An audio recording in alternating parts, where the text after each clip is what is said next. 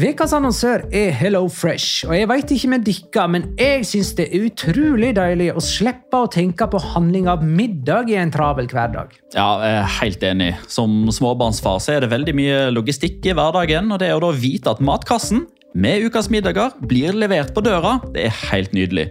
Da slipper du impulskjøp på butikken når blodsukkeret er lavt, og når du kommer hjem, kan du bare ta ut posen med dagens ingredienser fra kjøleskapet og sette i gang matlaginga. Ja, Du kan velge mellom 25 ulike retter hver uke. Og de har faktisk en egen kategori som heter Raskt og enkelt, med masse enkle og gode oppskrifter. Veldig greit å ikke måtte ty til takeaway hver gang det er hektisk på jobb. Jeg gleder meg spesielt til sterk chilikylling i min neste kasse. Jeg blir sulten bare av å tenke på det. Ja, Det er ikke feil med bacon og cheeseburger heller, da. Og det som også er bra, er at matkassen koster det samme hver uke, som gjør det enklere å holde matbudsjettet. Ja, og så blir det ikke matsvinn heller, fordi du får akkurat det du trenger til hver eneste rett. Hello Fresh kan absolutt anbefales, og bruker du koden vår, LIGALOCA, kan du få opptil 1779 kroner i rabatt på de fem første matkastene hvis du ikke har prøvd Hello Fresh tidligere. Du kan også prøve koden hvis du har avslutta abonnementet ditt for tolv måneder siden eller mer. Gå inn på hellofresh.no og bruk koden LIGALOCA. Bon appétit! Hallo? Jeg kommer fra Oslo politikammer. Ine Jansen er purk. Er du purk? The motherfucking bitch. Alt jeg vil, er å finne ut hva som skjedde med mannen min. Jon Carew. Er jeg sikta for noe? Iben Akeli. Det er du. Ole So, Lars Berrum og Big Daddy Karsten. Hvem sin side er du på, egentlig? Anette Hoff, Tone Danielsen, Kommer du fra Afrika? Jørnis Josef, Nesten. Kløfta. Trond Espen Seim. Det er synd å si det, men det var feil mann som døde. Purk. Premiere tirsdag på TV2 Play.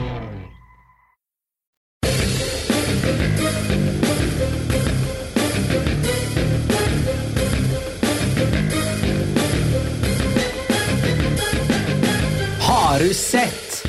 La Liga starta opp igjen denne veka, og du lurer helt sikkert på hvem som blir Spanias overgangsvinner og taper, hvem som blir sesongens store overraskelse, hvem som blir årets flopp og toppskårer. Vi er endelig tilbake for å svare misvisende på alle dine spørsmål, kjære lytter. La liga loca. En litt gærnere fotball.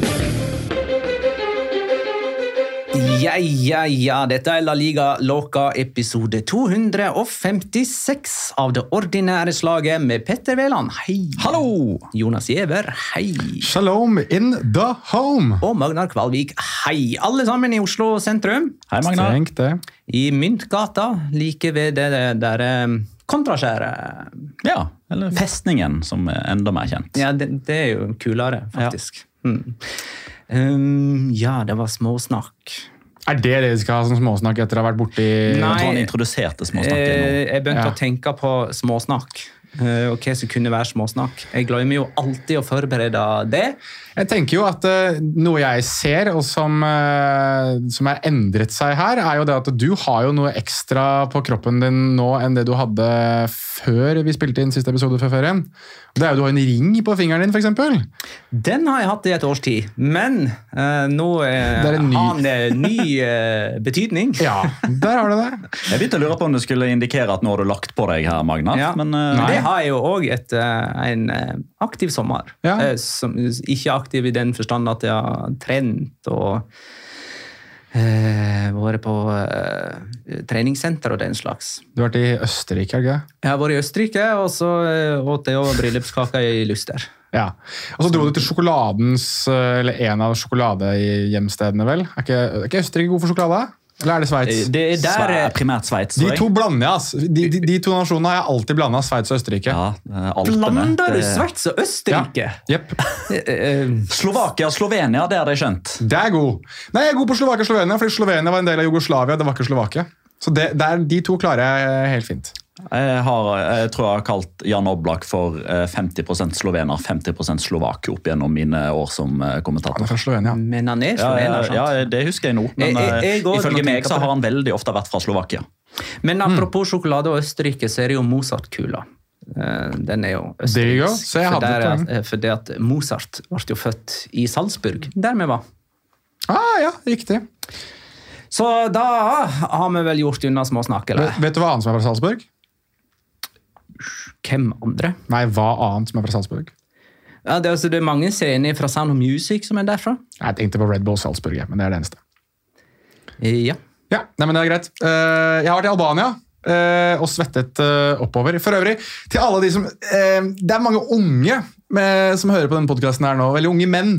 Eh, ikke dra til eh, Hotell Kuburi eh, i Xamil i eh, Albania. Det er det jævligste hotellet jeg har vært på noensinne hva angår eh, gjestfrihet. Dag én så var jeg og et par andre hadde kjøpt oss et brett med øl og skulle høre på litt musikk og bare slappe av på balkongen. Nei da, da fikk vi beskjed fra resepsjonen, som for øvrig spilte knallhard høy musikk dag inn, dag ut, om at det var A little too much wow, wow, wow, wow, wow. Fra han som jobbet i resepsjonen. Da var ferien over for veldig mange av oss, og vi kom aldri helt opp på høydene vi egentlig hadde lyst til å komme opp på. Så Hotell Kuburi, sug meg! Skal vi snakke litt om ferien din nå, da, Petter? Bare sånn for å dekke alle uh, Ja, på, eh, ferie- ja, altså, jeg var på Kypros tidlig i juni. Det tror jeg faktisk vi har nevnt i podkastsammenheng før. Eh, Jeg har vært i Sverige siden det, men ja. det har vært en sommer da jeg jobba veldig mye.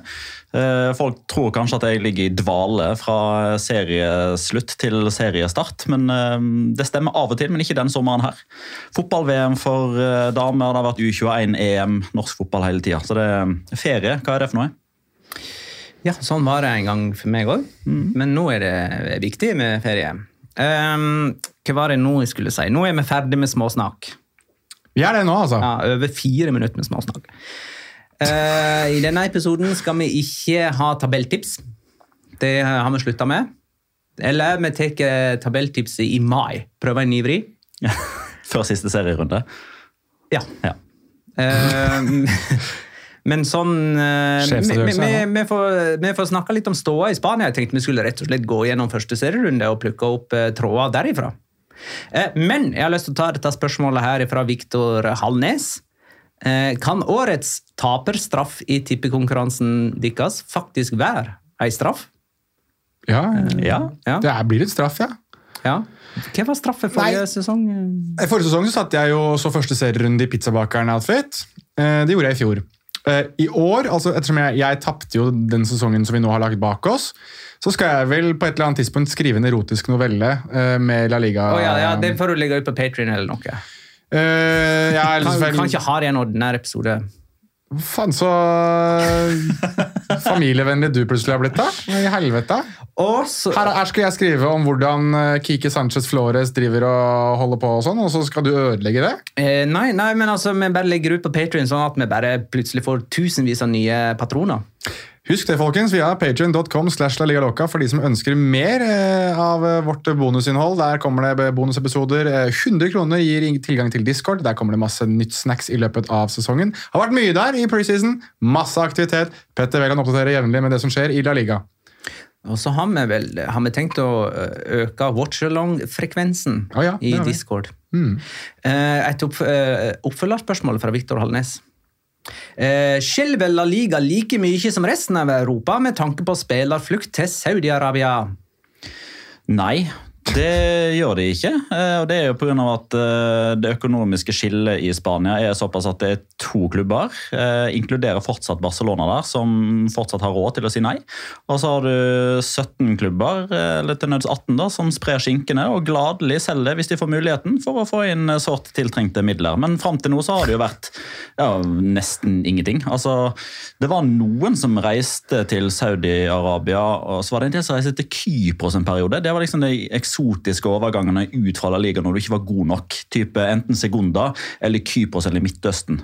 Men det har jo åpenbart endra seg nå. Men er det egentlig noen i Europa som skjelver så voldsomt av dette, dette Saudi-Arabia-opplegget? Jeg mener, Saudi-Arabia spytter jo ut en hel masse penger til masse europeiske klubber som storkoser seg, bortsett fra Real Madrid, som måtte gi fra seg Benzema gratis.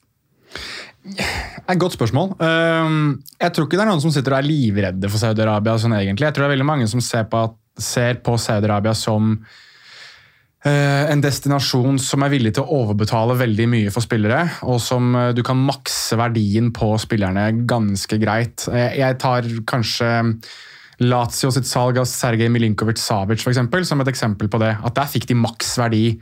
Eh, Han hadde nok gått ut av kontrakt neste sommer, vel, eller sommeren etter der igjen, og de fikk veldig veldig mye penger igjen for ham. Eh, Nå er ikke Lazio en av de klubbene som kanskje man tenker er der som skal utfordre for Champions League, eller litt sånn forskjellig. Men da kan man, kan man heller ta eksempel Marcelo Brozovic, da, som forlot Inter, eh, som var Champions League-finalist nå. Der fikk Inter gode penger igjen for ham. En spiller som, om ikke har blitt 30, så er på vei inn i 30-åra. Eh, Og Det er jo det Saudi-Arabia egentlig nesten har proklamert litt at de har lyst til å gjøre. De har lyst til å ha store profiler, de har lyst til å bygge lag med velkjente stjerner, mer enn de ønsker å kjøpe eh, store talent. Vi, vi har ikke sett én eneste saudi-arabisk klubb som har prøvd å kjøpe Rasmus Høylund, eksempel, som nå gikk til Manchester United. Så jeg tror nok at du kan cashe inn ganske greit på spillere som har en profil, men som kanskje ikke leverer på like høyt nivå, og kommer ikke til å gjøre det i løpet av de neste par årene. For å ta, en, for å ta et annet eksempel, da, som kanskje kan bli veldig relevant om ei uke eller to, når vedkommende skjønner at han er ikke god Joao nok for Felix, de klubbene han ønsker å spille for. Joao Felix kommer jo sannsynligvis til å løse ei stor floke for Atletico Madrid hvis de får shippa han østover. Øst, sør, sør-øst. Ja, det er ikke så veldig mye langt sør for Spania, skjønner du. Det er, vi skal litt sør, men det er markant mer øst, så jeg velger å stå for at han skal østover. Du, du har litt deg irritert over alle østlendinger som sier oppover når de skal til Vestlandet. Eh, det spørs jo hvor på Vestlandet. da. Altså, skal du til Molde, så, så, så er det greit å si oppover. Men skal man f.eks. til Det er Nordvestlandet, ja. Altså, Vestlandet, Vestlandet er ikke, ikke gamle Vestland. Møre og Romsdal, Sogn og Fjordane, Rogaland, Hordaland. Ja, og består nå av Vestland, Møre og Romsdal og Rogaland. Ja. Men Odda, for eksempel, da, som er sånn cirka like mye nord-sør som Oslo, skal ikke oppover når jeg skal til Odda. Og jeg ser på deg som aldri kommer til å høre denne episoden, min kjære svigermor. Fy faen. Alt utafor ring, eh, ring 2 er mm, oppover for meg. Ja vel. Ok. Til og med Kristiansand. Ja, Så vi skal oppover til Madrid om en uke, vi, da. Ja, ikke så langt unna. Vi skal faktisk det. Vi skal fly fra Gardermoen. Jeg ser du. Ja, eh, før vi går i gang med første runde, dere skal se første runde. Eh, set, Ja, og, og nå, nå skal det komme et hjertesukk her på vegne av en liga som jeg egentlig er veldig glad i. Altså, La Liga, altså, Nå må de skjerpe seg. Nå har vi søkt om akkreditering til Retafe Barcelona og Atletico Madrid Granada. Fortsatt ikke fått svar. Da har vi tatt kontakt med vår kontakt i La Liga og fått nei. Fordi La Liga de har bare bestemt seg for at youtubere, podkastere og annen sosialt innholdsskapere i La Liga får ikke akkreditering med mindre de er spesielt invitert fra La Liga sjøl. Så hvis dere lurer på hvorfor dere faller utenfor La Liga, hvis dere lurer på hvorfor avstanden opp til Premier League øker Jeg har én teori. Ja, Det er jo at de ikke får spilt kampene sine i USA. Eh, ja, det er en annen teori. Og at podkastere og youtubere ikke kommer inn på Getafe Barcelona. Og Atletico Madrid Granada. Der kunne vi lagd fett innhold som gjorde at kanskje en eller to ekstra personer hvem vet, hadde sett en kamp i La Liga i løpet av sesongen. Det Skal skal, vi da ikke- gjøre. Nei, skal ikke se noen kamp i det hele tatt? Ja, vi må jo betale oss inn, da. Det er det jeg er snurt for. Petter woke up and chose violence, er det som har skjedd her nå. Så vi betaler for å gi La Liga content, altså.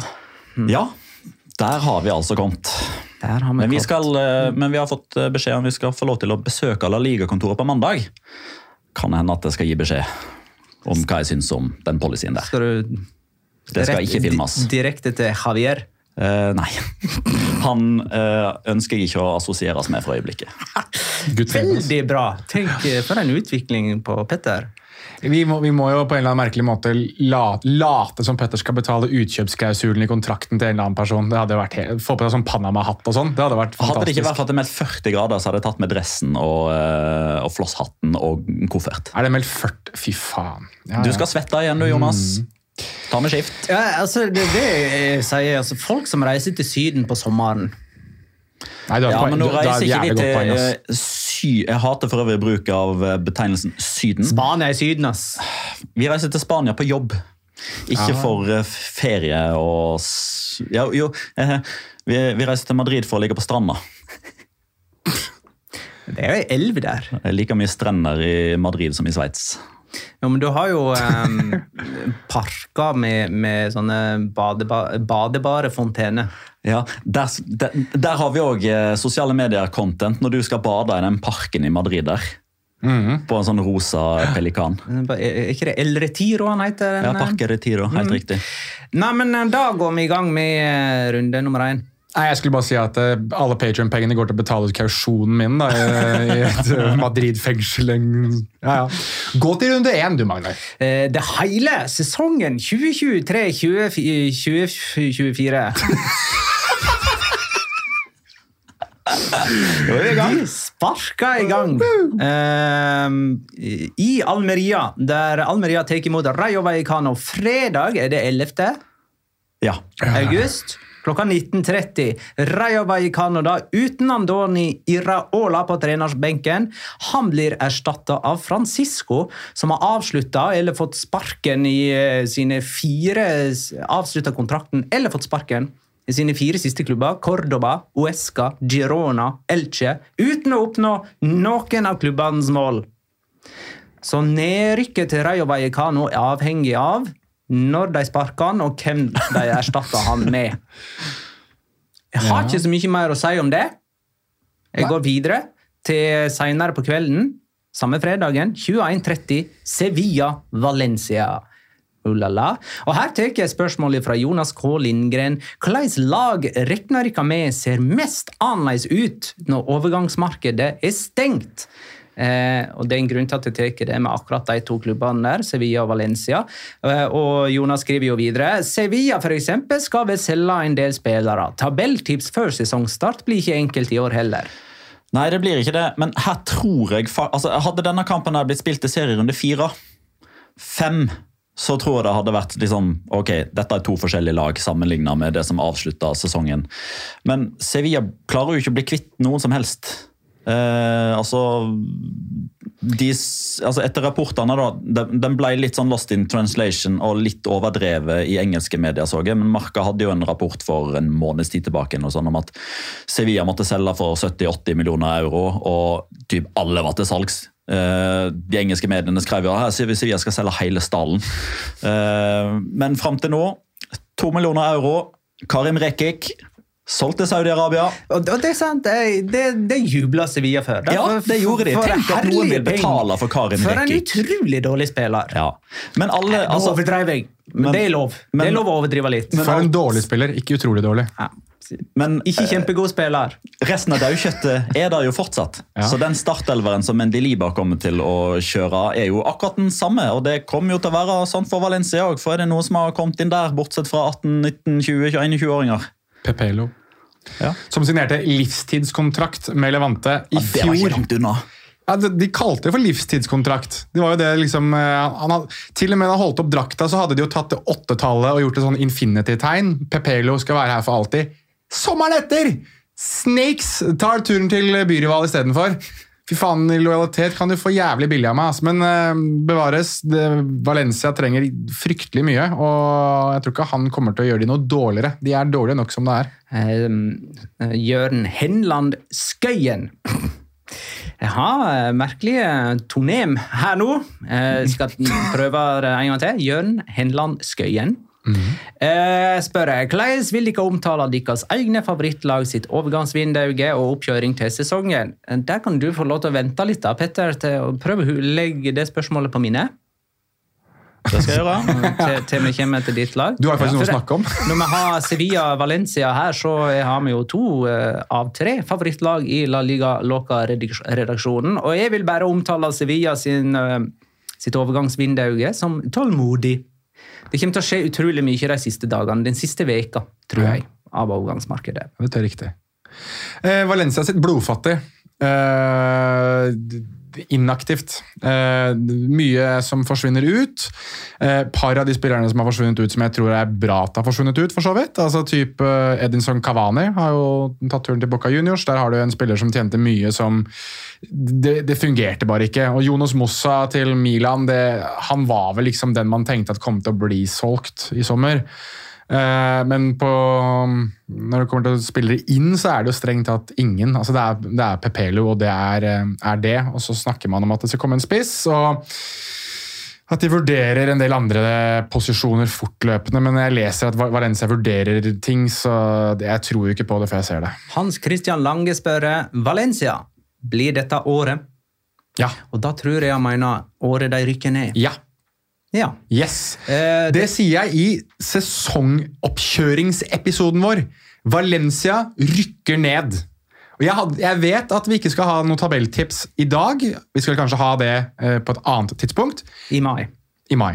Eh, men uansett, i mai eller senere, så eh, Kanskje ikke senere enn mai, men senere enn i dag, så har jeg Valencia som en av tre lag som rykker ned. Jeg forberedte meg litt sånn som jeg vet at Petter har gjort også, på at det kanskje skulle være litt eh, tabellsnacks, men jeg hadde Valencia på 18.-plass. Jeg tror de rykker ned. No joke! Og det er kun basert på Men du sa jo at de rykker ned gjennom hele våren. Nei, men Eh, da vi hadde, da vi hadde tabelltips, for det hørte jeg på nemlig. Hva hadde jeg egentlig Valencia på i forrige sesong? Da, da startet de, Husker du at de hadde Gennaro Gattuso som trener? Det er jo liksom, føles jo mange herrens år siden, men det var jo faktisk i fjor. Eh, og da sa jeg at etter å ha sett veldig mange av preseason-kampene, så sa jeg at det, vi er programforplikta til å ha det på tolvteplass, men jeg anser at dette laget her kunne gjøre det mye mye bedre enn som så. Så jeg tenkte at liksom sånn, jeg må si tolv, men jeg tenker egentlig åtte-syv. Denne sesongen her, klink nedrykk. Klink nedrykk. Begge disse klubbene skifta trener i løpet av forrige sesong, og de trenerne som overtok, er vel fortsatt trenere i disse klubbene. Det er Mendelibar for Sevilla og Baraja, skråstrek Marchena. For Nei, Marchena er ferdig. Er ute. Marchena er ferdig. Baraja, da. Baraja er. Uten sin høyre hånd. Ja, nå er det, Marchena skjønte hva som var godt for seg. Det er vel Angolo som er assistent. Nei, han er B-lagstrener. Er er. Men han, da snakker man han skulle opp og bli assistent. Han fikk ny kontrakt i dag. Ja, da er det åpenbart eh, skrinlagt, da. I dag er for øvrig 7. august. Ja, ja. Lørdag! Eh, første kamp Real Sociedad mot Girona klokka 17.00. Skulle ikke vi ta overgangsvinduet til Petter? Det kommer når Betis via Real står på oh, ja, okay. enough. Tipper jeg. Ja. Uh, lørdag klokka 17.00 er Real Sociedad Girona. Uh, La Real uten David Silva, som har lagt opp, men med André Silva, som erstatta Alexander Sørloth. Eh, André Silva skåra fire mål i Bundesliga forrige sesong for eh, Leipzig. Eh, Roar med skarre er spør hvem skåra flest mål av Sørloth og André Silva. Det tror jeg blir Alexander Sørloth. Jeg tror det er fordi han kommer til å spille mer enn andre Silva denne sesongen. Eh, da må jeg få presisere at vi er bare på La Liga. Jeg tror det er altså Zidane sin sesong kommer til å bli ganske sånn rotert. eh, De skal spille Champions League, League til Ett av fem spanske lag i tidenes siste Champions League-sesong.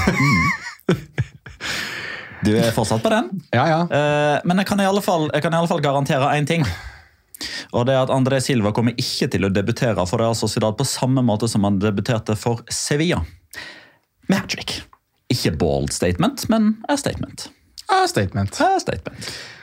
Det var, Han skåra tre mål i debuten sin, i La Liga-debuten sin Ja, for Sevilla. mot Vallecano mener jeg å huske at det er en 5-1-seier for noen år tilbake. igjen. Og så skåra han seks mål resten av den sesongen. Ja. Nei, jeg går for, eh, jeg går for André Silva. Jeg er bare Hvorfor det? for- Hvorfor det? for å være kontrær.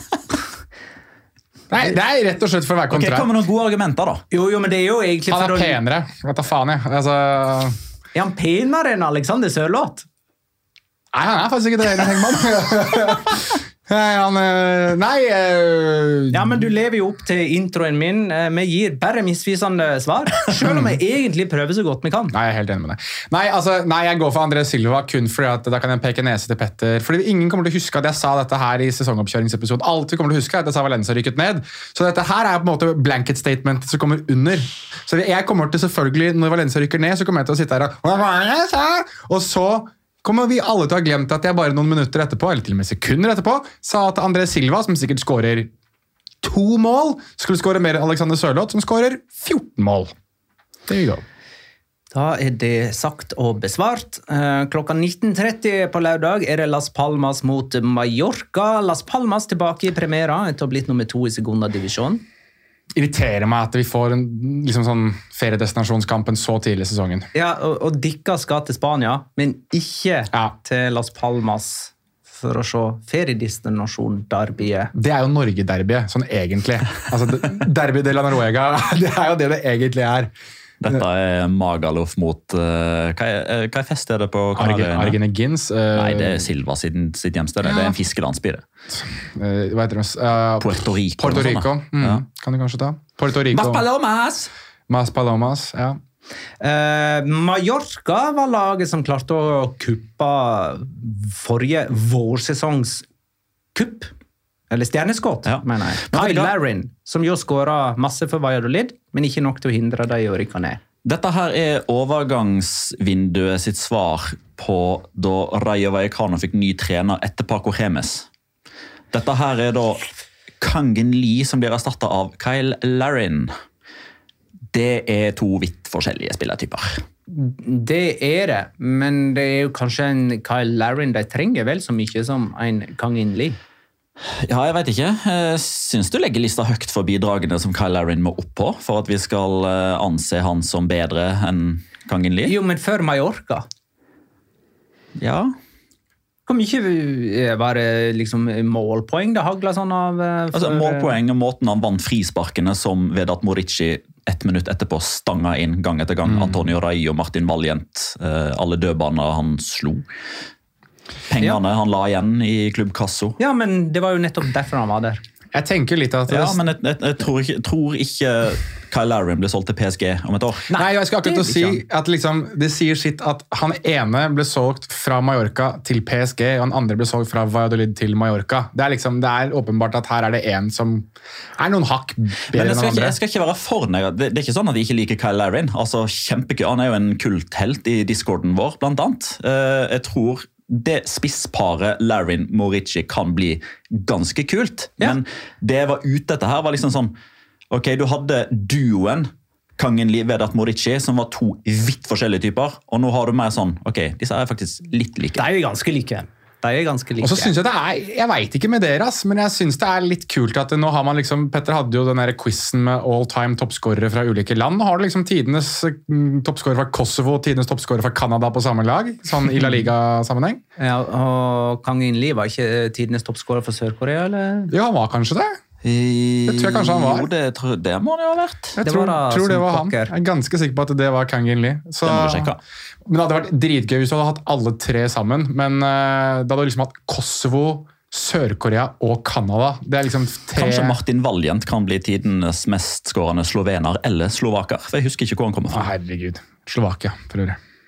Ja, Mens de kan sjekke opp det, så kan jeg jo jeg gå til kampen som starta 21.30 lørdag kveld. Det er storoppgjør. Atletic Klubb mot Real Madrid på San Mames. Det blir La Liga-debuten til Jude Bellingham, etter alle solemerker. Kanskje òg Arda Guler fra Fenerbahçe. Han er vel småskada, men det kan jo være Eh, Marta Persdatter, og kjent som Rønnaug, spør hvem blir sesongens mest overvurderte spiller. Og det spørsmålet stiller jeg akkurat i, denne, uh, i dette segmentet, fordi at eh, Real Madrid har jo nå signert det vi kan kalle en ny Galactico. I samme sommer som de terminerte kontrakten til en forrige Galactico, Eden Mm. Så her snakker vi fallhøgda. Eden Hazard ble vel, eh, er vel tidenes største Real Madrid-flopp, eller? Nei, det må han være. Ja, Hvis du tenker på, på pris, liksom. Pris, forventninger, hvordan det gikk. Hele historien. Spilte ikke de eneste El Clásico? Altså, kjøpe en sånn spiller eh, uten å bruke han i de største oppgjør, eh, og knapt bruke han i det hele tatt. Nå satt jeg på en flytur nylig og så dokumentaren om Nicolas Anelka. eh, Og han eh, ble jo veldig betegna som en flopp i Real Madrid. eh, men- Woodgate var vel ikke helt heldig, kanskje? Nei, Nei, men Der snakker vi dårlige kjøp. Michael Owen han skåret jo i en klassiker, riktignok. Men uh... Ja, men eh, kan noen toppe Eden Hazard? Nei, jeg, jeg leter jo etter altså, Det er ikke det at jeg er uenig, Jeg jeg tror bare vi bare skal slutte å lete. Jeg konkluderer med at Kangin Lee er tidenes mestskårende sør- sørkoreanske spiller, og går videre. Her kan jeg for øvrig si at Atletic kommer til å vinne denne kampen. Det er så typisk at Atletic vinner den kampen her 1-0, og så blir alle bare sånn Atletic! Og så Tror du, tror, du, tror du Arets Adore svarter opp med brassespark i den kampen her, eller? comeback for én kamp. Ja, det er sånn, Husker du det, han skåret jo da Barcelona gjesta San Mames i en serieåpning. Det Så var husker jo, jeg eh, godt, ja. ja, du har jo dikt, eh, der, ja. du har dikt om det òg. Det har jeg jo til og med. Mm. I episode et Han la opp husker jeg, den dagen vi landa i Bilbao for noen år tilbake. igjen. Nå ser du på Jonas. Ja, du ser på meg. Ja. Uh, Når vi var nede og besøkte Martin Ødegaard. Det jeg husker fra uh, Aritz Adoris sin seanse da han la opp, var at de hadde en sånn svær greie. Uh, alle spillerne var ute på banen liksom, og skulle takke av ham. De laget en video på dette.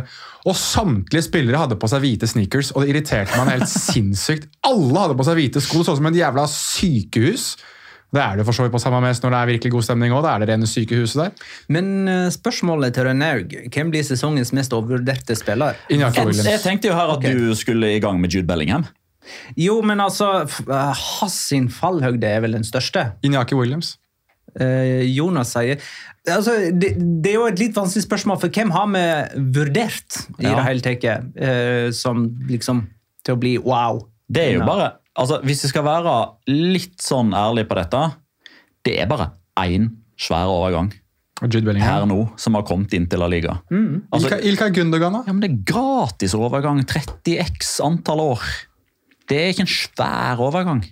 I alle fall ikke sånn som jeg regner det. da. Hvis du, hvis du legger lista på Eden Hazard i 2018 og Jude Bellingham i 2023, tresifra antall millioner euro til en av de to store, henta ut fra et velfungerende lag, Chelsea da, Dortmund nå. Ilkay Gundogan. Chouameni i fjor, da. Var, han må Han er altfor ung, ikke etablert nok. Ja, den neste han store yngre enn Bellingham? Jo, men hva hadde altså, Sammenlign Bellingham 2023 med Chouameni da.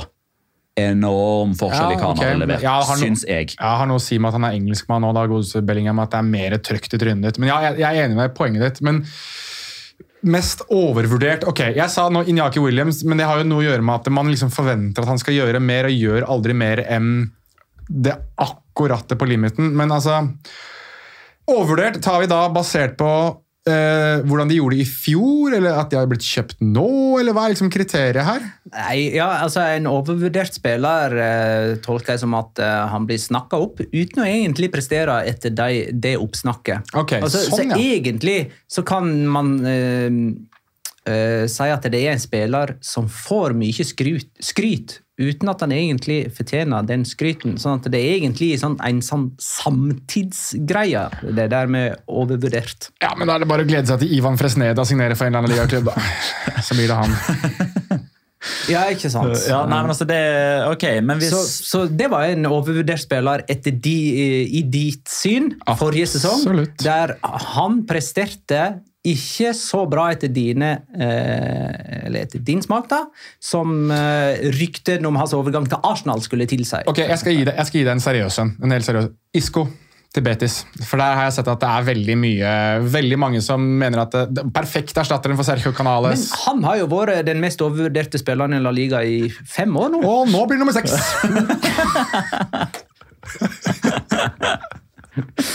Ok, nei, men eh, Det blir jo et Real Madrid uten Karim Benzema.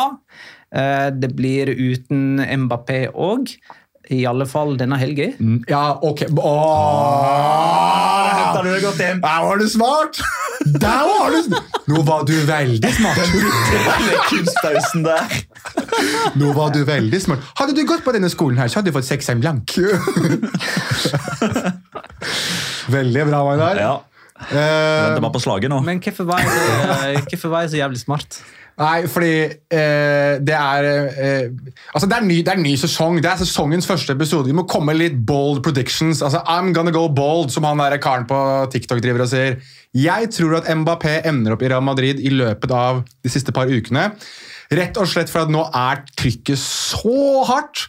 Og nå er det til og med Mbappé selv som nesten Han har nesten gjort en sånn greie ut av å henge med Real Madrid-spillere, være i Madrid, sende liksom sånn subliminal messages på sosiale medier selv hele tiden nå. Jeg, og, og hvis han ikke signerer eh, hvis, ikke, han- hvis ikke han går til Real Madrid nå, så går han jo gratis. Men altså, internett jobber godt nå hver gang Mbappé legger ut en story. Absolutt. De jobber så godt, altså. Det der såkalte sublime hintet med at han posta en story fra Monte Carlo Nei, det- det- Ancelotti. Ja, det var i overkant.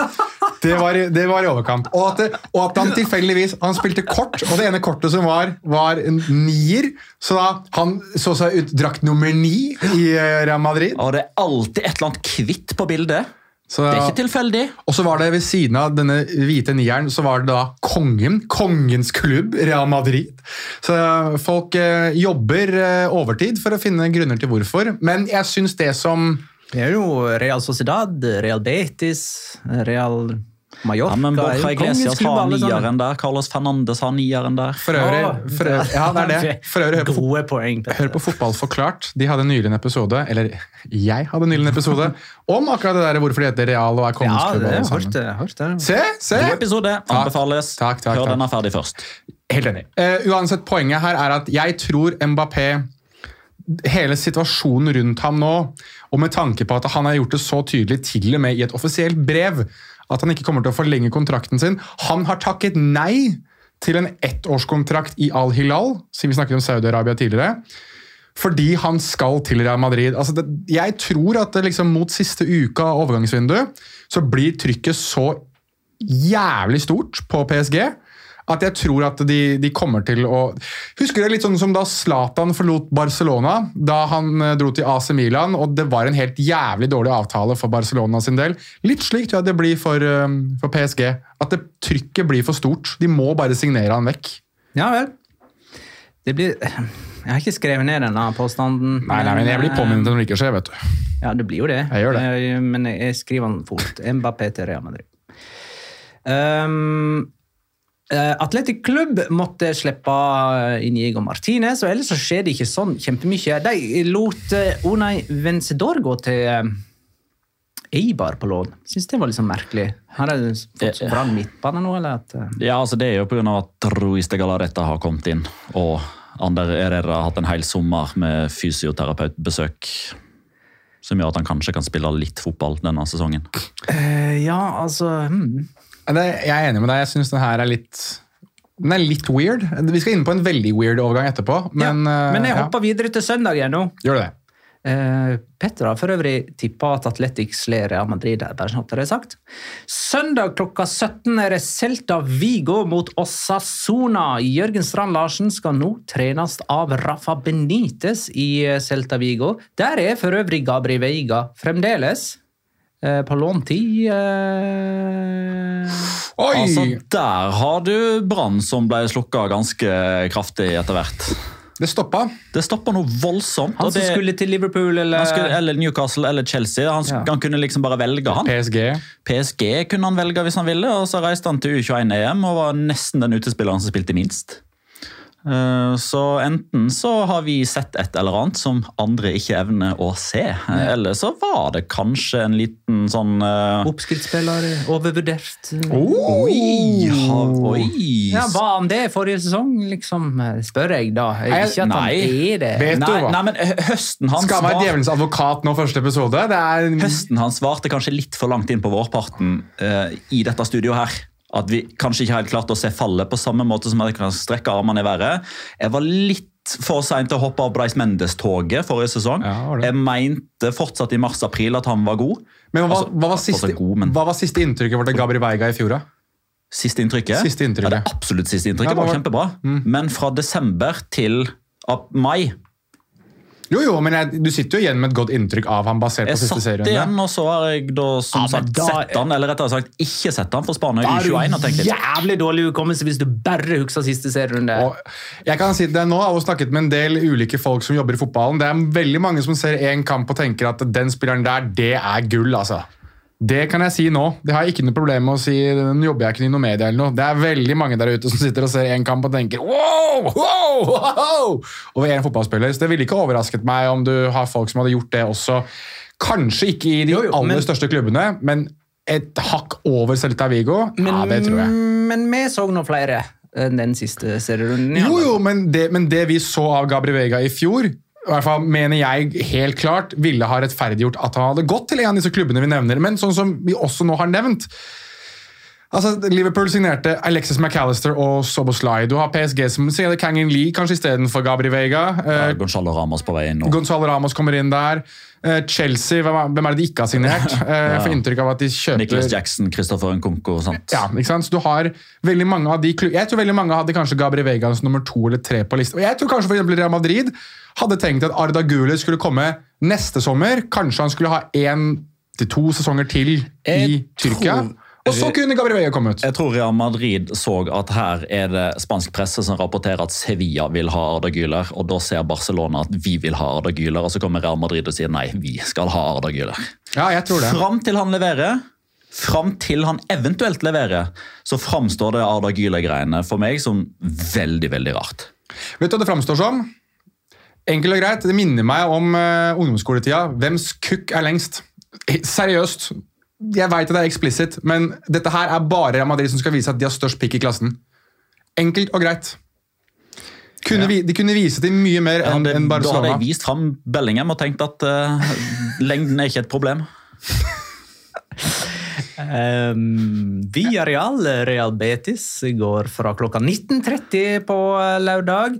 Eh, Alexander Sørloth, eh, Ben Brereton, Brereton Diaz og, og Danjuma er spissa i Villarreal om dagen. Nei, Ikke Danjuma? Nei, han er han er leid ut til Everton. Er han det, eller? Eh, her, er for øvrig overgangsaktiviteten til Villarreal denne sommeren. Jeg har skrevet på ned. Det er meget liten skrift på to av fire sider i ruteformat. Der har det skjedd ting. I Villarreal, ja. I ruteformat, ja. La oss begynne med eh, Runar Rosseland. Hvilken norsk spiller skåra først, og i hvilken ligarunde?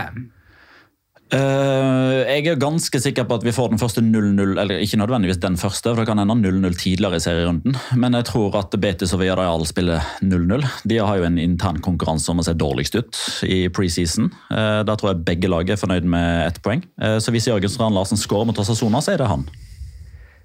Ja, så det blir da sier at ingen skåra i første serierunde. Jeg tror kanskje vi får det første norske målet i serierunde nummer sju. Hvem er det Og det som- blir Alexander Gurendal.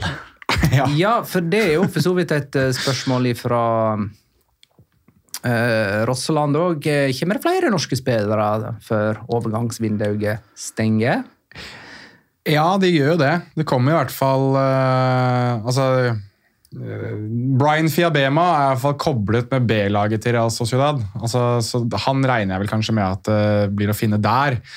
Eh, Alexander Gurendal den er veldig spennende å følge med på. Den tid Valencia ikke signerer noen, så satser de jo ungt. og Jeg synes det var ganske interessant at i da generalprøven for Valencia sin del på Mestalla mot Aston Villa, så fikk eh, Alexander Gurendal noen minutter på tampen ikledd drakt nummer 28. Eh, og slik jeg forstår det, så er 28 er, uh, det tallet han får. Uh, så det Nå er det du driver og Du må ta opp på hånda. Det rister sånn i Petter mener at det, det rister så fryktelig, for vi har noen videogreier som vi skal ha ut. Det er greit, Petter. Jeg skal fylle gjerne hånda mi. Uansett, Gurundal med nummer 28.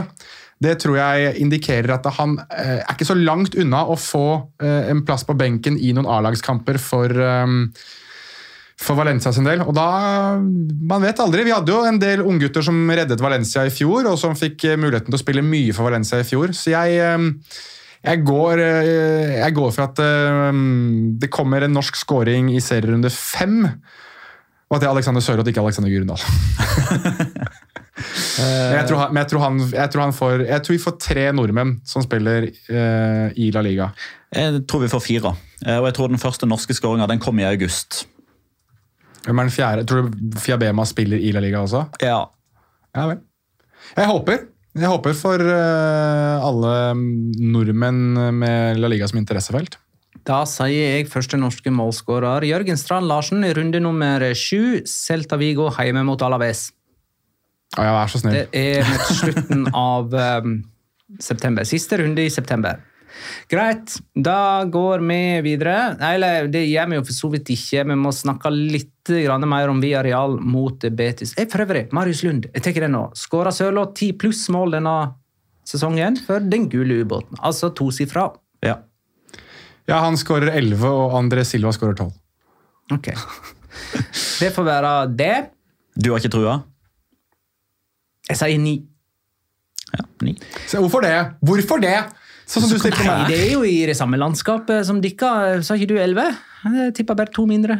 Ja, greit. Fair enough. Jeg går på nikket på 15, jeg. Ja vel. 15? Hvor mye var toppskåreren i ligaen hadde i fjor? 20? 21. Men du, Petter.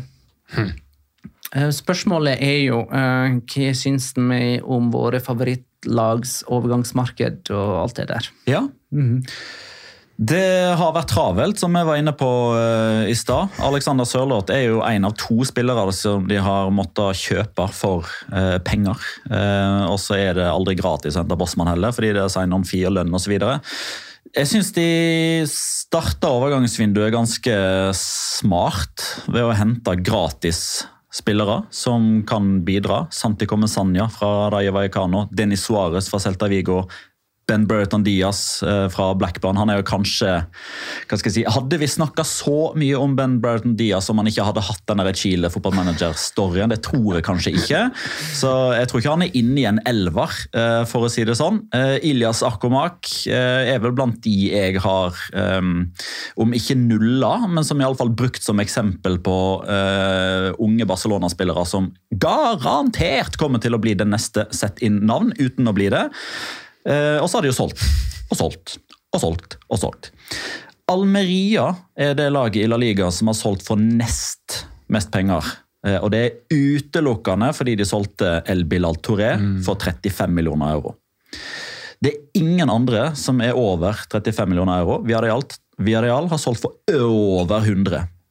Nicholas Jackson er borte, Pau Torres er borte, Samuel Chukwese er borte, Bolaidia er borte, Manu Morlanes er solgt. De har til og med klart å få penger for Ivan Martin. Så hvis det er noen som trenger å få solgt et eller annet, om det er på Finn eller eBay, ring Francisco Roj Neguroles, som er sportsdirektøren til Villarreal. Han fikser det for deg! Eh, Real Betis har henta inn Isco, Ektor Beyerin og Mark Bartra gratis. Eh, Mark rocka på lån. Det er, er flere spennende som har kommet inn som jeg ikke har fått med meg de siste dagene? Jeg synes, før, vi går til Betis sånn ordentlig, jeg syns du liksom glatter over litt det der sjokket med at Alexander Sørloth plutselig dukka opp i Villarreal. Altså, det var jo ingen som visste det. Ja, men dekka bra i uh, Patrion, eller? Yes. Få, en eh, få et. Patrion-abonnement, så får du alt om Sørloth i en egen bonus. Det jeg spilte det opp godt. Spiller hverandre gode her. Det er feilslått innlegg som havner i mål, altså, Jonas. Nei, Det var ment som scoring. Uansett, ehm, Betis du, Den jeg skulle inn på, eh, som jeg syns er veldig rar, og som er inne på sånn eh, Saudi-Arabia dukker opp på steder de ikke eh, trodde de var. Eh, Alex Collado, som ble hentet eh, fra Barcelona gratis, for så vidt. Eh, han har plutselig blitt utlånt igjen til Al-Okdod. Ehm, og hvor kom det fra? Eh, det var liksom, han var signert, og så tenkte man Alex Collado. Man har hørt om Alex Collado ganske lenge, Ja. som en av de som har vært mest lovende i eh, Barcelona-akademiet. Og så er vel Ramon Planes er vel den nye sportsdirektøren i Betis. Han har gjort det til en greie nå om at han skal hente inn en del ulike tidligere Barcelona-spillere. Som det jo er en del av i Betis fra før av. Ja, ikke sant? Også den Chadi Riyad-opplegget er vel også Barcelona, hvis jeg ikke husker feil. Uansett, da. Alex Collado hadde vel vært i Betis i en uke eller to, eller? Eller hadde- kanskje ikke så lenge engang? Men ikke det engang. Altså, jeg, jeg- jeg husker at Ryktene begynte liksom å svirre med hva skjer med Alex Coyado når de reiste til USA. Og han ikke var med i den 72-mannstroppen som reiste over. så er det liksom sånn, ok, Er han daudsjuk, eller hva er greia? Og Så viser det seg jo da at eh, den klubben som fortsatt ikke har klart å liksom bli kvitt eh, alle disse spøkelsene i skapet med lønnstak osv., det er Real Betis, som har eh, rett og slett tatt seg vann over hodet. Signert for mange spillere! Så de, de får ikke registrert han. Så Derfor kommer Saudi-Arabia inn, igjen, som en reddende engel! Jævlig gode på sosiale medier da, når de får nye signeringer. Ja, det, det, det skal de ha. Altså, det er nesten så vi må dele ut en pris her snart. Ja, det er helt enorme. De har jo, har du fått med deg, Magnar? Fortell. Nei, de, har jo, de lager sånne små snutter der de henter ut videoklipp fra diverse TV-serier. og de hadde Pingu, blant annet, hadde de som en eh, sånn greie. Den fikk jeg med meg. Ja, Hvor de tekster liksom sånn, hvor de lager på på hva som egentlig blir sagt. da. Eh, og veldig ofte så velger du jo da åpenbart eh, TV-serier. For eksempel Hvis jeg signerer en tyrkisk spiller, så er det en tyrkisk TV-serie. Mm. Pingu har jo åpenbart et språk som ingen skjønner. Så de lager jo da liksom hva er det de egentlig sier, og så ender det med at de har signert noen. Den eneste der de hadde liksom gjort en sånn skikkelig jobb, var hvor liksom Isko hadde ligget i noe sånn eh, kammer, eller sånn frysekammer og våknet fra de døde plutselig. Ja, det var noe, eh, det var, Kan det ha vært Game of Thrones eh, de hadde henta inspirasjon fra? Jeg så, de, jeg så han, var jo, altså han som er community manager og mm, håper jeg, SoMe-ansvarlig for Betis, han var jo på eh, El Partidato på Cadena Kåpe Ja, ja. Natt, altså natt til dagen etter denne videoen kom ut. Eh, og han For, var for nye lyttere, det er en radio... radiokanal Ja. som starter ved midnatt. Um, eller et radioprogram Ja. uh, som starter ved midnatt. Uh, og da var jo, Han var jo egentlig bare mest opptatt av, opptatt av å fortelle hvor kul Isko var, som liksom hadde tent på ideen. For det, Der tipper jeg det er mange sånne primadonna-nykker som tenker sånn Stå opp fra de døde, jeg har jo ikke vært død. Ja, Men han, var- han var med på det. og ja. Canales er solgt. Det samme Diego Laines, som jo aldri ble den store suksessen.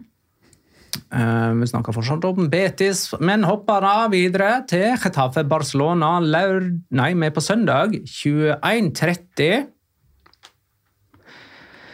Ja da Noen som vet om noen gode plasser å kjøpe billetter til La Liga-kamper? eller? Du har ikke lyst til å starte på Getafe, altså, for der er det egentlig ingenting å snakke om, med unntak av Choco Lozano, spør du meg. Nei, Vi må ta lineupen deres i eh, oppkjøringskampen her. Ja, vær så god, Petter. Altså- Lineupen til Getafe i en oppkjøringskamp. Ja, Så Vi har ikke nevnt én eneste oppkjøringskamp Nei. i denne episoden. Men nå kommer altså Getafe, og da Ja, men altså, Det er sekundært at det var Fites de møtte og til slutt vant 4-1. Men altså, hvis noen lurte på om José Bordalas er tilbake igjen og skal gå full tilt Bordalas, så fikk de svaret sitt der. Når han altså liner opp med sju forsvarsspillere, to defensive sluggere og Juan Milatasa. Og Jaime Mata. Slugger. Ok, fair enough. Um, Men Barcelona, da? Ehm, Henrik spør Kosta salget av Osman Dembélé Barcelona ligatittelen? Da må de jo Er selge han først, da. Er han solgt? Nei, han reiste jo tilbake igjen, da. Men Om enn ikke med lua i hånda og halen mellom beina, så ble det ikke noe kontrakt eh, på første forsøk. Nei, jeg, Men er det eh, egentlig en så stor sak, det der med om de mista Dembélé? Altså, her er vel storyen mer hvordan de mista Dembélé, med merkelige klausuler i kontrakten som de ikke var klar over sjøl, og de ulike variablene som var i den klausulen de ikke visste om engang. Dette, må, det, dette kan jeg bare se på hele Magnar, at det elsker du. Dette er, ditt, dette er der du virkelig Magna skal komme med dikt han om overgangsvinduet når det er ferdig. Her får du virkelig utfolde deg. Er det.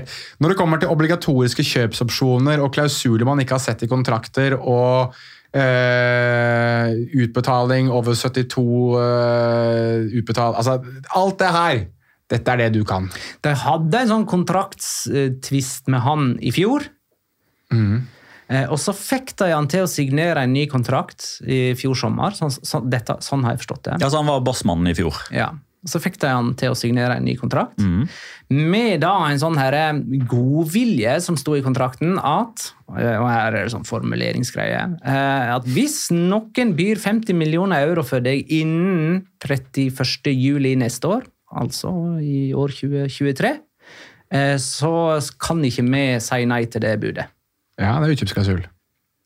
Ja, som egentlig bare er Det er ikke en tellende utkjøpsklausul i den eh, forstand som alle andre. Det er egentlig utkjøp- feil å kalle det for en utkjøpsklausul. Du skal fram til det engelske begrepet en gentleman's agreement. Noe sånt. Eh, og så var det mange i Barcelona som trodde da at da måtte PSG, som jo ville tilby disse her 50 millioner euro, eh, ha den avtalen i boks innen 31. juli 2023. Men det de bare trenger å gjøre, er å si at vi byr 50 millioner euro innen 31. juli 2023. Eh, og det vet jeg ikke om de har gjort. Jeg forstår det sånn at de har gjort det. Og så kan de egentlig bare forhandle eh, med Dembélé i løpet av tre uker, eller ish. En annen ting her også, som er litt viktig å ta med. Ja, det er at Barcelona er ikke helt enig med seg selv om hvor mye av de 50 millionene de skal få, og hvor mye skal gå til Dembélé og hans agentur. Riktig? Og det ligger vel an til å være sånn 50% så at Barcelona får 25 millioner euro av den overgangen, mens resten går til Dembélé og hans agenter. Det høres riktig ut. Eh, og han kjøpte dem for over en milliard Det er også riktig. eh, fra Dortmund. Katta i Han og Coutinho og Grismann, det. Det var, det Ja, var shoppingrunden sin, det. ja. Ja, men der solgte de Neymar. Da falt Dette var- varen ut før de kom hjem. Dette var i 2017, da de solgte Neymar. Ikke solgte. De ble frarøvet. Jo, jo men det var utkjøpsklausul. Det var det. Det var det. Eh, på over to milliarder. Eh, så er jo òg spørsmålet om han nå klarer å snakke seg tilbake til Barcelona. For ifølge ryktene så ønsker jo han en retur. Dette her er så deilig. Dette er så deilig. Og, jeg går tilbake igjen til det der, Jeg legger alltid ut det bildet her i discorden vår når, når ting som er skjer med Barcelona. A normal day of Barcelona is all I'm asking for. Will never happen. Ja. Altså det er, de, de er fullstendig komiklubben når det kommer til ting som det her. Ja, men Jeg husker det. Jeg Hver husker sommer! sommeren i fjor. altså Alle eh, journalistene som, eh, som fulgte Barcelona, altså bare ni un puto dia tranquilo. Ja, Det er ikke en dag stillhet. Det er bare tull og fjas og mas. og altså... Jeg, jeg tenker at På en måte så må det være fantastisk å være Barcelona-supporter. For det skjer alltid noe. Det er ikke kjedelig, men samtidig må det jo være det jævligste i verden også. For du veit ikke en dritt av hva det er som faktisk skjer. Og når du får ting som det her Å ja, nei, Vi har klart å signere på en klausul ja, om at vi kun skal ha 50% av en klausul som egentlig ikke er en gjeldende klausul, men den er gjeldende likevel fordi en annen part sier at den er gjeldende, og vi tør ikke gå imot den klausulen. Det, det er der vi står. Ja, ja. Ja. Det er jo bare den moderne varianten av den Tiago-klausulen, der han måtte, fikk lov til å gå veldig mye billigere hvis han ikke spilte så og så mye, mangla én kamp eller noe sånt. Hadde de hivd han innpå på slutten av en kamp på, på tampen av sesongen, så hadde de fått mye Ja, mer for han. dette er. Guardiola, ikke sant? Ja. Eller ja, det var Guardiola. Ja, helt på tampen da, vel. Ja, kan det være 2013? 12-13? ja, et eller annet. Uansett, da. Poenget her er at de eh, har jo skutt seg selv i foten igjen! Og så kan de ende opp med Neymar som erstatter for alt dette her. Og han er jo egentlig den som startet hele dette faenskapet her i 2017. Ringene da. Fy faen! Eh, men um vi får nå bare se hvordan det der går. Ja, Eh, følg Twitter-kontoen til Magna. Da får du full kontroll. Eh, Barcelona har henta inn eh, Vitor Roque, et brasiliansk konsept. Eh, men eh, det, Ja, han dette er kommer jo faktisk ikke ikke konsept, for han kommer ikke. ja, han, han kommer faktisk ikke født neste år. Eh, så så ikke, ikke, tenk, ikke tenk på det. Eh, men Oriol Romeo, favorittspilleren til Jonas, er signert. Vår bror. Han ser litt ut som en sånn Hvis du setter deg og meg sammen og tar skjegget, så ja. er det deg og meg. ja. Eh, Er du enig, Petter? Nei, det greit. Hold kjeften din. Jeg, Inigo Martinez har kommet inn. Eh, Det er broren til Petter. Ilkay, Ilkay Gundogan har kommet inn. Nei, vet du hva? Hvis, hvis Inigo Martinez er broren til noen, så er det Stian Blipp. ja, du er broren hans igjen. Tre brødre som ikke er brødre. Altså, det, det tar jeg som et enormt kompliment hvis noen mener at jeg er lik på Stian Blipp. Det er jeg ikke, men takk for at du setter meg på samme hylla. Det er sånn som du, i, eh, I The Simpsons så hadde du Bart, og så hadde du Bort. Da er du Bort til hans Bart. Eh, nei, altså eh, Barcelona sitt overgangsvindu er egentlig ganske så bra. og Nå selger de Frank Kessi òg, mest sannsynlig. Ja. Til Saudi-Arabia. Saudi-Arabia. Ja, men det, og det er jo en sånn blessing igjen. Ja, selv om jeg ser, ja, selv om jeg ser at noen Barcelona-supportere mener at det er ikke nok, og at han egentlig er verdt mer. De fikk fikk jo gratis, jo! Jo, jo, men markedsverdien altså, var jo mye, det var jo fordi han var bossmann. liksom. Altså, så god som han var for Milan den siste sesongen. Hvis han hadde hatt en kontrakt, så hadde han jo vært mm, du koster mye mer enn det de selger han for nå. Jo, for så vidt, det er jeg enig med deg i, men, men altså, han spilte jo knapt for Barcelona i fjor. Det at de faktisk sitter igjen med noe Matchvinner er et jo. Ja, var det. Men at de, at de sitter igjen med noe penger for han, basert på det at de fikk han gratis. Ja. eh, Og basert på det at de strengt tatt ikke har brukt han. Og når de har brukt han, så brukte de han egentlig nesten mest som stopper, husker jeg. Ja. tenker jeg at Da skal de være ganske happy med det at de løser opp en del av lønnsposen der. Fordi De har vel ikke registrert Ilkay Gundogan ennå? Nei, der altså, Apropos Mens ikke en rolig dag. altså Disse Palankas-greiene. De har jo ennå ikke altså de, de sitter og drar i den spaken, men de får den ikke ned! Men er det sånn at de har kjøpt den, men ikke registrert den? Det vil si signert den, men ikke registrert den? Eller har ikke de signert? Har ikke De, de har signert, men de har ennå ikke registrert. Ja, og garantert da, I den kontrakten der så står det at Barcelona må betale en jævlig høy sum til Gundogan for brudd på kontrakten hvis de ikke får registrert den. Ja, ikke sant. Så Nå har man òg sikra seg som spiller da, mot eh, registreringsfeil. Ikke sant? Tipper at det kun er Barcelona. Alex Coyado signerte ikke noe sånt. Nei, Han endte i Saudi-Arabia. Der har du det. Ja, nei, eh, ok. Vi kunne jo ha tatt flere spørsmål her, f.eks. fra Kvann. Hvem får Pichichi denne sesongen? Og det spør jeg jo fordi at eh, eh, det var Lewandowski og Barcelona som tok den forrige sesong. Ja, Nå er jo Benzema borte i tillegg, som var den soleklare utfordreren. Ja, jeg tror faktisk han tar det uten at han får kreditert skåringer som ikke er hans seg denne sesongen. Skåra 18 mål og blir eh, Pichichi. jeg, tror det, jeg tror det blir Lewandowski, men kan jeg komme med eh, en dark horse som jeg, synes, eh, som jeg har sittet og sett litt på nå før vi gikk inn her? Jeg er jo selvfølgelig på det toget nå så jævlig etter å ha sett alle hans skåringer i fjor. Artem Dobyk på eh, Girona, denne ukrainske tankspissen som de har signert. Det er bare power, altså. Det er bare rett fram, skyter, Hedde. Han er overalt! Faen, for et beist han der ukraineren der er. Og så skal han spille ved siden av Sygankov òg. Herregud, altså. Slava Ukraini, det er alt jeg har å si til det her. Altså. Fy faen, for en jævla spiss han er! Den ukrainske Erling Braut Haaland. Dere har hørt det her først. Og kun her. Giron Eh, Girona møter altså Real Sociedad eh, borte, uh, siden vi tok opp eh, den. Jo, men, men ok, kan, kan jeg få bare underbygge poenget mitt bitte litt, mann? Får jeg lov? Eller? Eh, det må være kjapt. Ja, det kan jeg godt gjøre. Altså, hans... Eh, Ja, men nei, sånn på alvor. Det må være kjapt. Ja.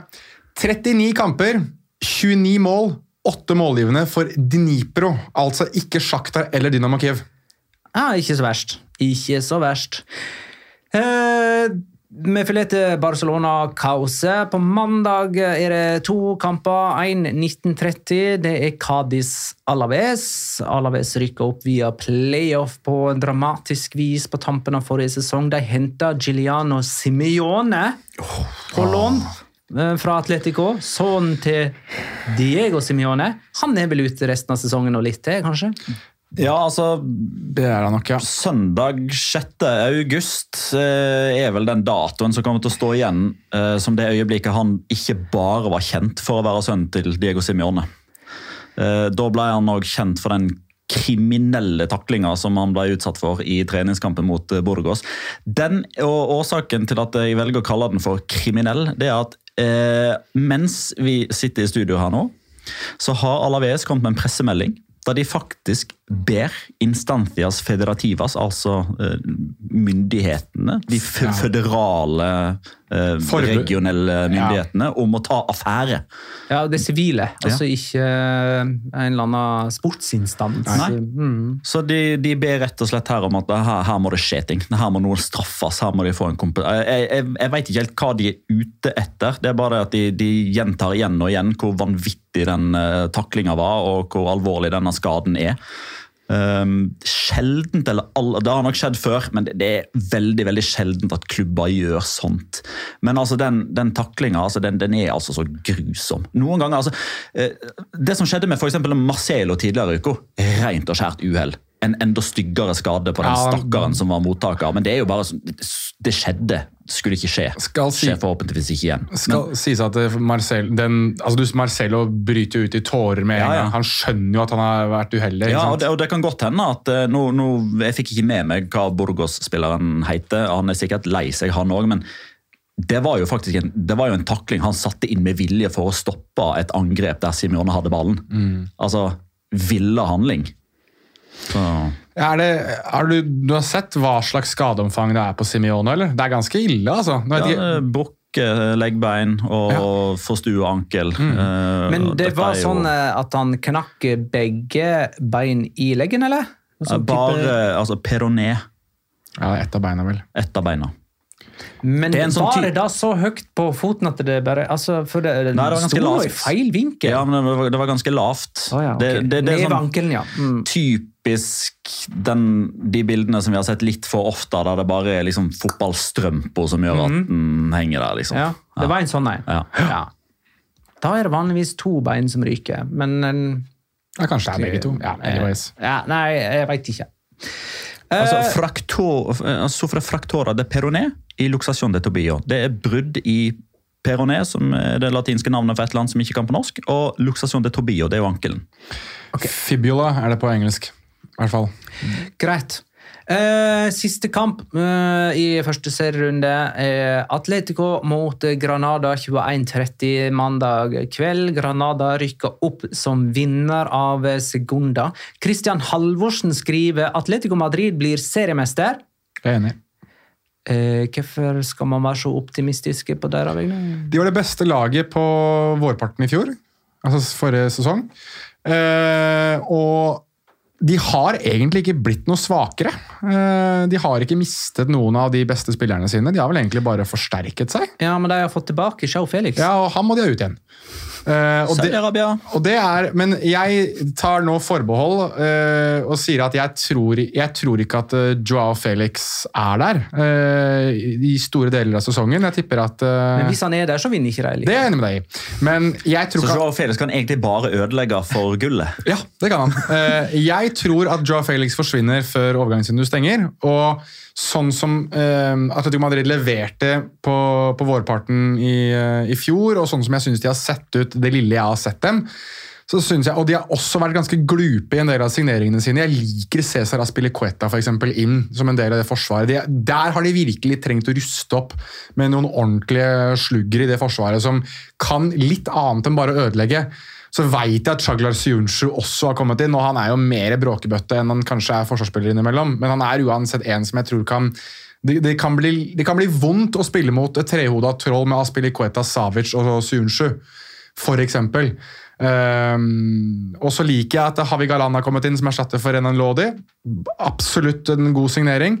Um, så jeg, jeg har veldig stor tro på Atletico Madrid uh, denne sesongen, og jeg tror de kommer til å vinne ligaen. Jeg, og det tror jeg også fordi at de er det laget som har hatt mest og best kontinuitet under samme trener, og jeg tror det kommer til å ha noe å si um, i løpet av den sesongen her.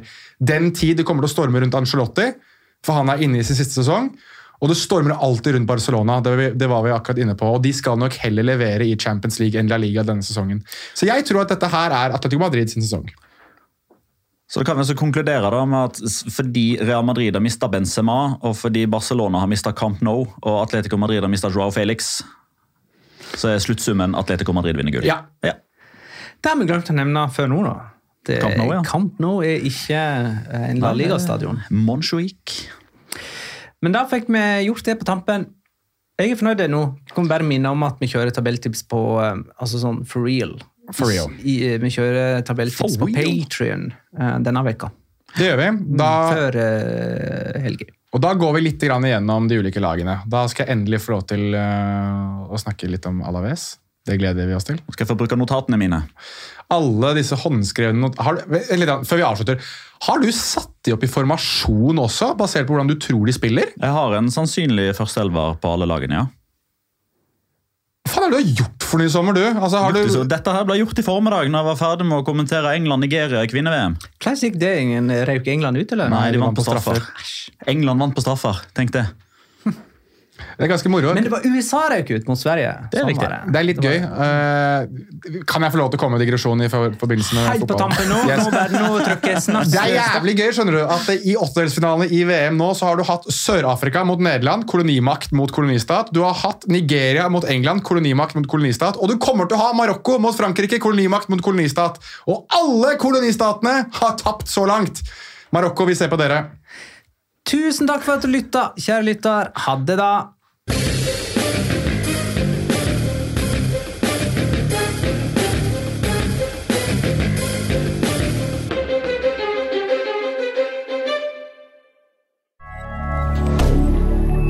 Media. Har du et enkeltpersonforetak eller en liten bedrift? Da er du sikkert lei av å høre meg snakke om hvor enkelt det er med kvitteringer og bilag i fiken, så vi eh, gir oss her, vi. Fordi vi liker enkelt. Fiken superenkelt regnskap.